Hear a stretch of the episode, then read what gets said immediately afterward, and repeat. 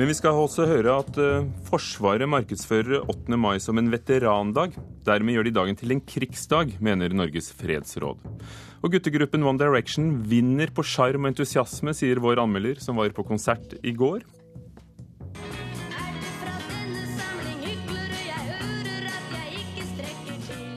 Og sensur gjennom 50 år i pop og rock vises på ny utstilling på Rockheim. Dette er blant sakene i Kulturnytt i Nyhetsmorgen. Forsvaret bruker 3,3 millioner kroner på å markedsføre frigjøringsdagen 8. mai som en veterandag, som de kaller det. Fredsrådet mener Forsvarets store kampanje er villedende, og dermed gjør de fredsdagen til en krigsdag.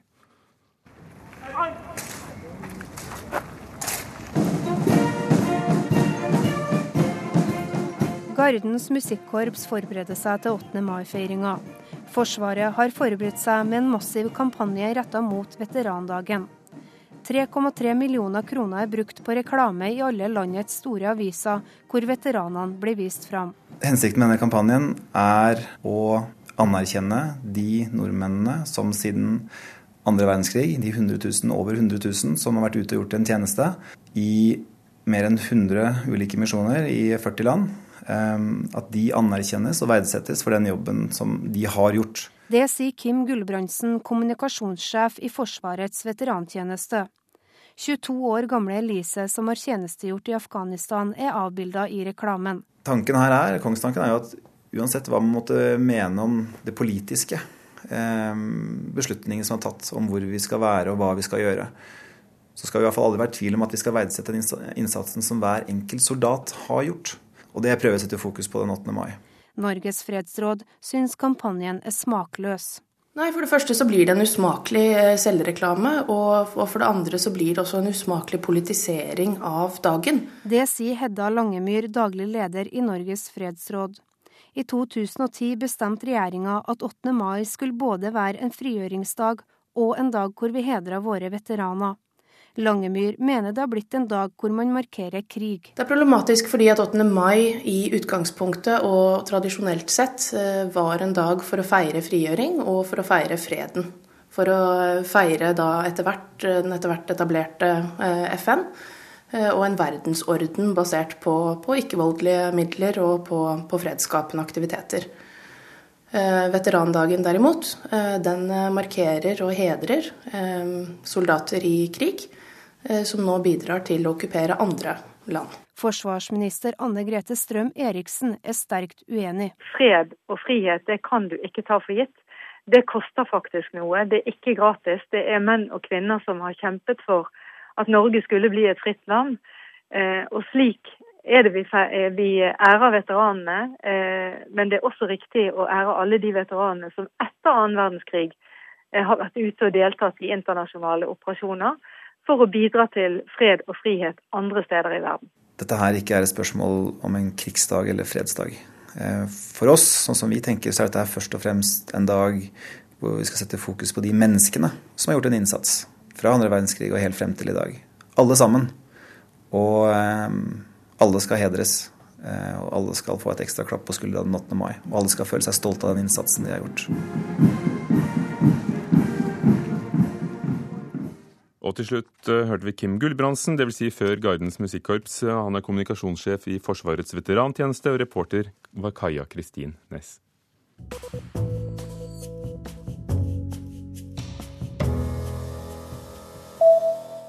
Syv av ti journalister mener nedbemanningen i norske redaksjoner de siste årene gir dårligere aviser, skriver Aftenposten i dag. I den årlige medieundersøkelsen som legges frem under nordiske mediedager i Bergen i morgen, er journalister, redaktører og publikum spurt om hvilke konsekvenser nedbemanningene vil få for det journalistiske innholdet. 69% av journalistene mener nedbemanningene innebærer dårligere kvalitet på det som skal formidles. Det italienske motemerket Diesel skal sponse restaureringen av Rialto-broen i Venezia. Broen over Canal Grande ble bygd på slutten av 1500-tallet, og 20 millioner turister besøker den hvert år. Restaureringen skal koste rundt 40 millioner kroner, og vil starte tidlig neste år.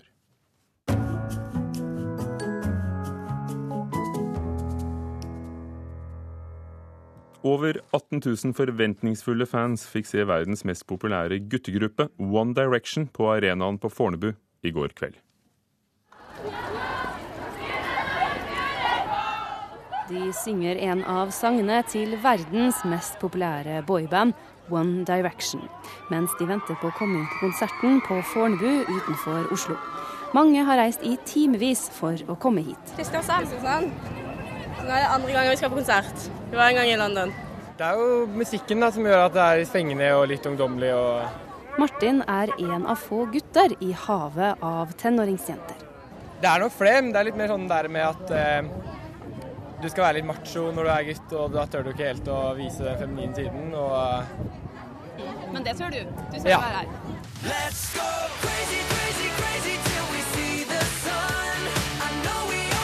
Det britisk-irske boybandet One Direction ble dannet av fem deltakere i den britiske musikkonkurransen X-Factor i 2010. Manager er Simon Cowell, kjent som Idol-dommer og manager for en rekke popartister.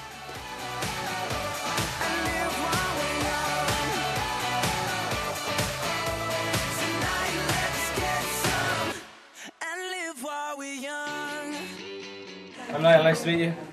Nice to meet you. How you doing, you okay? NRK fikk møte to av bandmedlemmene, Liam Payne og Harry Styles, som mener de kan takke sosiale medier som Twitter for berømmelsen. we just had a lot of, of, media which we, we kind of spread ourselves about and stuff. And obviously, you know, in the early days, we were really, really active on Twitter. And uh, obviously, the fans spread the word about us, and I think that's the key.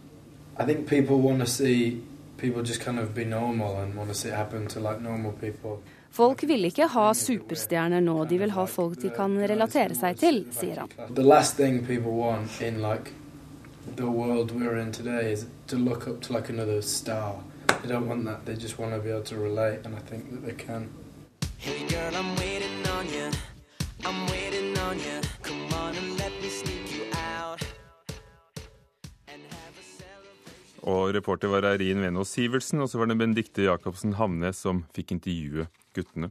Musikkanmelder i NRK P3, Trine Åndal, du var der. Ble du overrasket over One Direction? Ja, jeg ble ganske overraska. Jeg hadde trodd at eh, det her kom til å bli en litt trist eh, konsertopplevelse. Jeg har ikke vært så begeistra for det låtmaterialet One Direction eh, har gitt ut så langt. Men da jeg kom inn i Telenor Arena i går, så fikk jeg meg en, en god overraskelse. For det her er et, et band som klarer å sjarmere og fylle altså, ikke spesielt gode låtene sine med helt nytt liv uh, i liveversjon, og, og det syns jeg de fortjener heder for.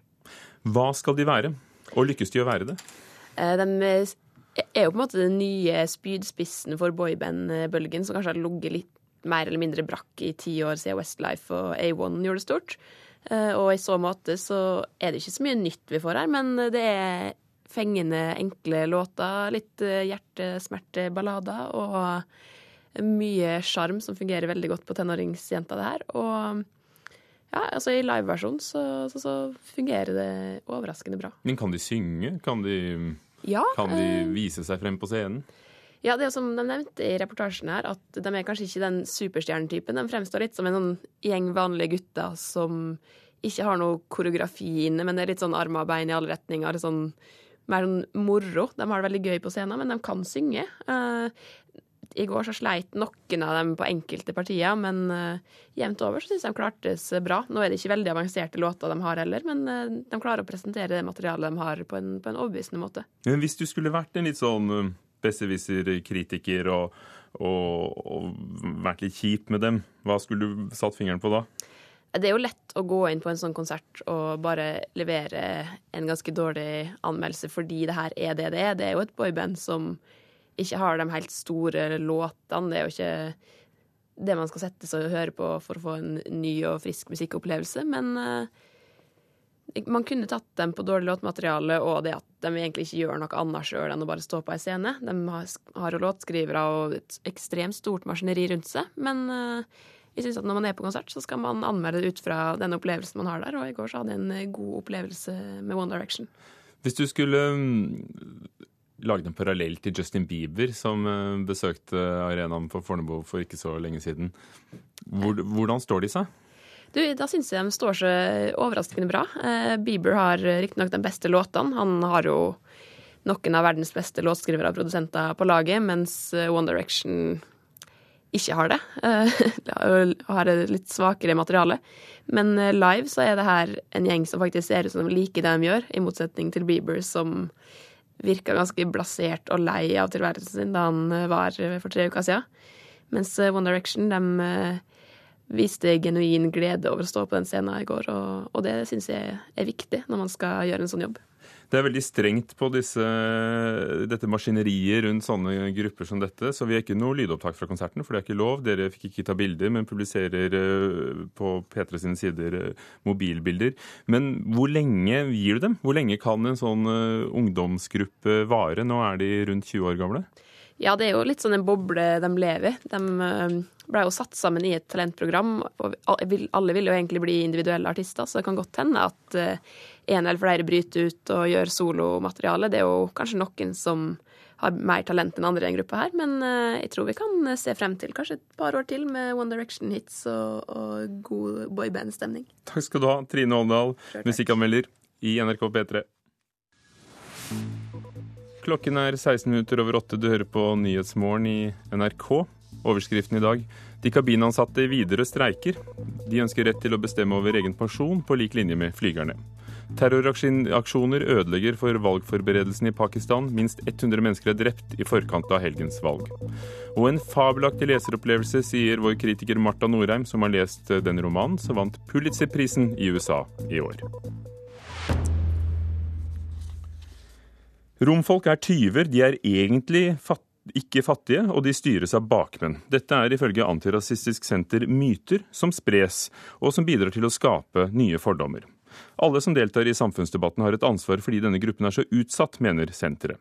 Maria fra Romania sier hun heller vil ha en vanlig jobb enn å tigge på gaten i Tromsø. Maria teller opp kronestykkene og femkroningene i det brune pappkruset. 50 kroner. Den rumenske jenta sitter ved inngangen til matbutikken. I dag har hun råd til et brød, sier hun. Very little. I go to, to shopping mat. I give you one chilling, a little bread. Det er få som gir i dag. Kurt gir ikke. Personlig så er jeg mot tigging. Hvorfor det? Nei, Det er fordi at eh, det de drar med seg. Ikke bare at de er fattige, men det er alt mulig rundt det som, som skapes. Ja, Hva tenker du på da? Nei, det er jo mye, mye problemer med De stjeler mye. De, det er mye med sånn der de har kanskje bakmenn i hjemlandet som sitter og tar imot gevinsten av pengene de sitter og tigger her for.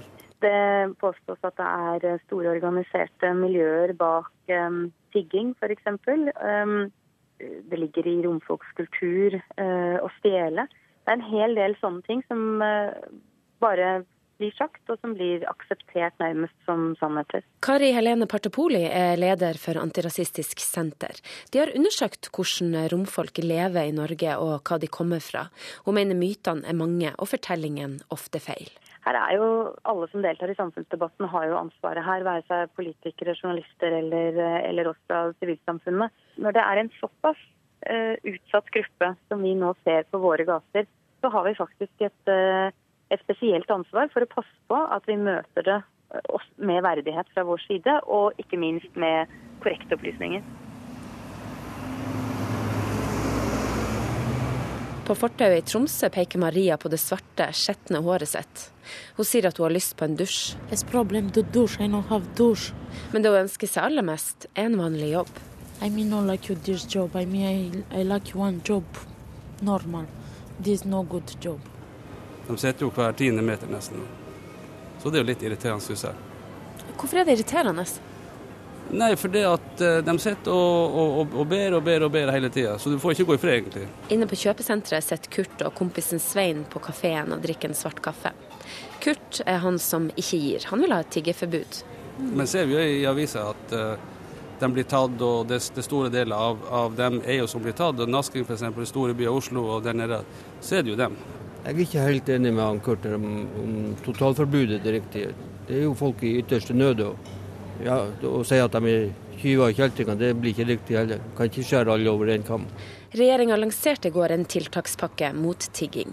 Og én million kroner skal gå til et forskningsprosjekt for nettopp å skaffe mer informasjon om hvem det er som kommer til Norge for å tigge, som Maria. Det, veldig mange, det er veldig mange forestillinger som stemmer lite med de fleste virkeligheter, og det trengs mye mer kunnskap. Forsker Ada Engebretsen er en av de som kan mest om rom i Norge. Er ikke også kriminalitet en del av dette fattigdomsbildet? Jo, det tror jeg helt sikkert er. Eller det er, ganske- vet jeg at det er. Eh, Men det betyr ikke at alle er kriminelle. De er ikke noe verre enn enn vi nordmenn generelt. Det er Bare det at vi har så søkende så mye penger. Vi, vi trenger ikke å tigge. Og reporter i Tromsø, Karoline Rugeldal.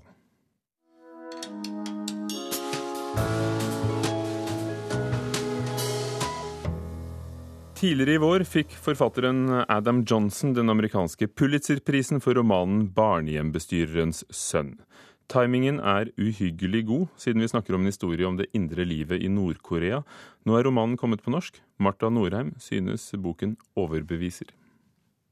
Dette er en forrykende roman som reiser noen spørsmål. La oss starte med det forrykende. Vi følger sønnen til barnehjemsstyreren gjennom et ikke særlig langt, men desto mer hendingsrikt liv. Å vokse opp på barnehjem i Nord-Korea er ikke noe alle slipper levende ifra, ettersom slike barn som ingen kommer til å sakne, blir utlånt til virkelig farlige jobber, som å rydde opp etter kjemiske utslipp. Vår mann, som lyder navnet John Doe, overlever barndommen, han har tross alt en far, og havner på en usannsynlig odyssé gjennom et usannsynlig samfunn. Han avlytter skip fra buken av en skranglete fiskebåt, han er med på tokt til Japan for å kidnappe folk regimet har bruk for, han havner tett på den store leder Kim Jong-il, og langt ned i mørke fangehold. Han blir erstatningsektemann for en stor kvinnelig skuespiller, og han blir med på en delegasjon til Texas. Der blir han kjent med et nytt strengeinstrument som han tar med seg hjem. Hva er det? spurte hun. Det heter gitar.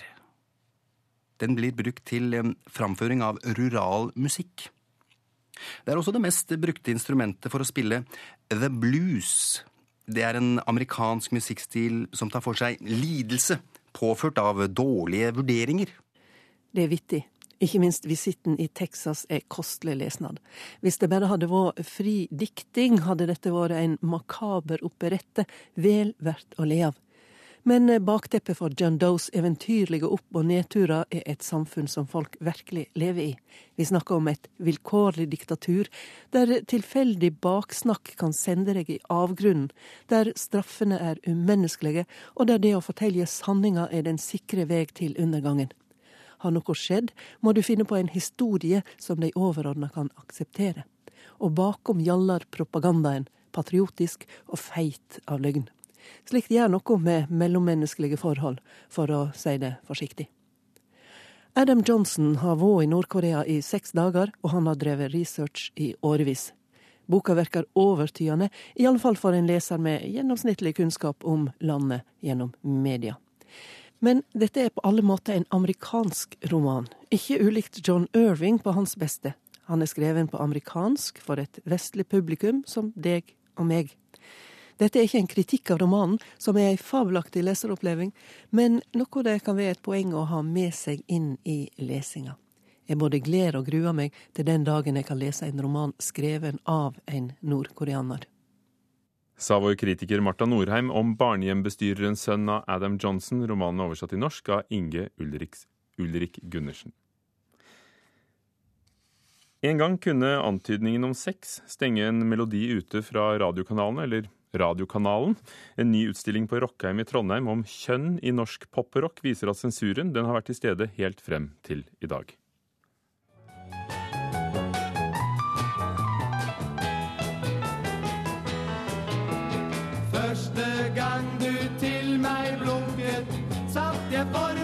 Selv nynnet.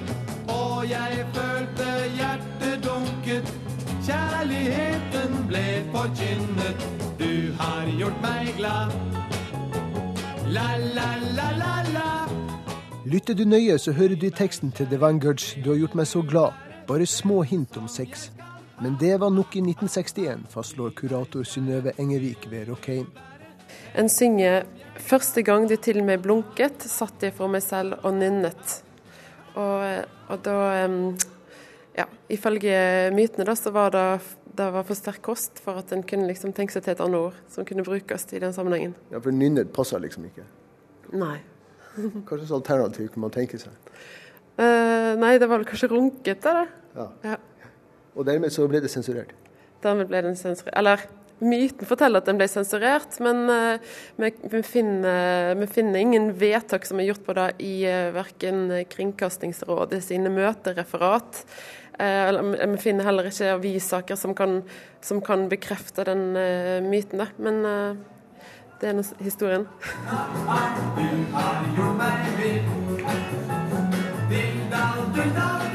Men spilt på NRK ble den ikke, den gang. Nå er den første sensurerte melodi i temadelen Sex og sensur, et av flere tema i utstillingen om kjønn i norsk pop og rock som Rockheim i Trondheim åpner. Den neste melodien som skapte furore, kjenner alle som er over 40 år.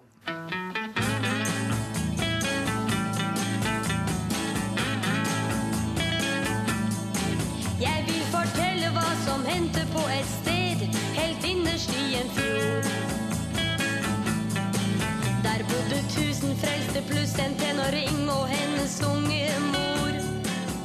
Og de klarte å samle 120 000 underskrifter.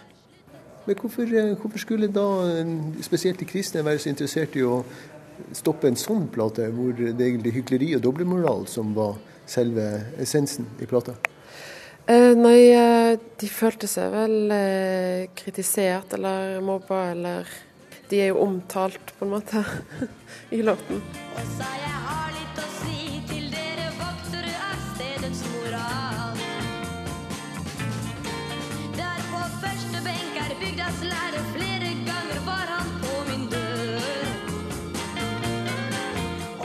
Det syns du er veldig hyggelig. Ja, jeg syns det er morsomt. Veldig morsomt. Kurator Synnøve Engevik har funnet tolv gode eksempler på at norsk pop og rock har blitt utsatt for sexsensur. Mange ganger er det interessegrupper som går til angrep på uttrykk de ikke liker. Som når punkrockgruppa Brutal Kuk dro fra Trondheim til Blitz i Oslo. Og de fikk faktisk stoppa konserten.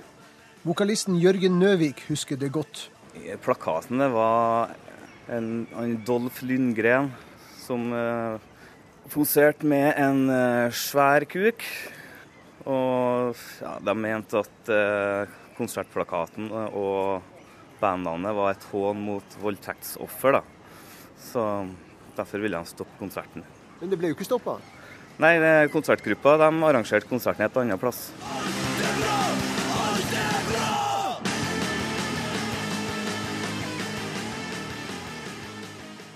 Det er punkrockgruppa Brutal Kuk som avsluttet reportasjen til Stein Lorentzen om utstillingen om sensur i norsk pop og rock på Rockheim i Trondheim. Vi tar med at spesialeffektlegenden Ray Harryhausen er død, 92 år gammel. Harryhausen var en pioner innen effekter og animasjon i Hollywood-filmer. Steven Spielberg og George Lucas er blant filmskaperne som har latt seg inspirere av arbeidene hans. Han er bl.a. kjent, Harryhausen, for filmen 'Jason og det gylne skinn' fra 1963. Der brukte han fire måneder på å lage en scene hvor den greske sagnhelten Jason kjemper mot en dødninghær bestående av syv bevæpnede skjeletter. I Kulturnytt har vi hørt at eh, Norges fredsråd mener at Forsvaret villeder med sin kampanje til 3,3 millioner kroner for å gjøre frigjøringsdagen 8. mai til en veterandag. Guttegruppen One Direction overrasket P3s anmelder. De var bra innen sin sjanger, sa hun. Årets Pulitzer-prisvinnende roman 'Barnehjembestyrerens sønn' er meddrivende, men veldig amerikansk, sa vår litteraturkritiker.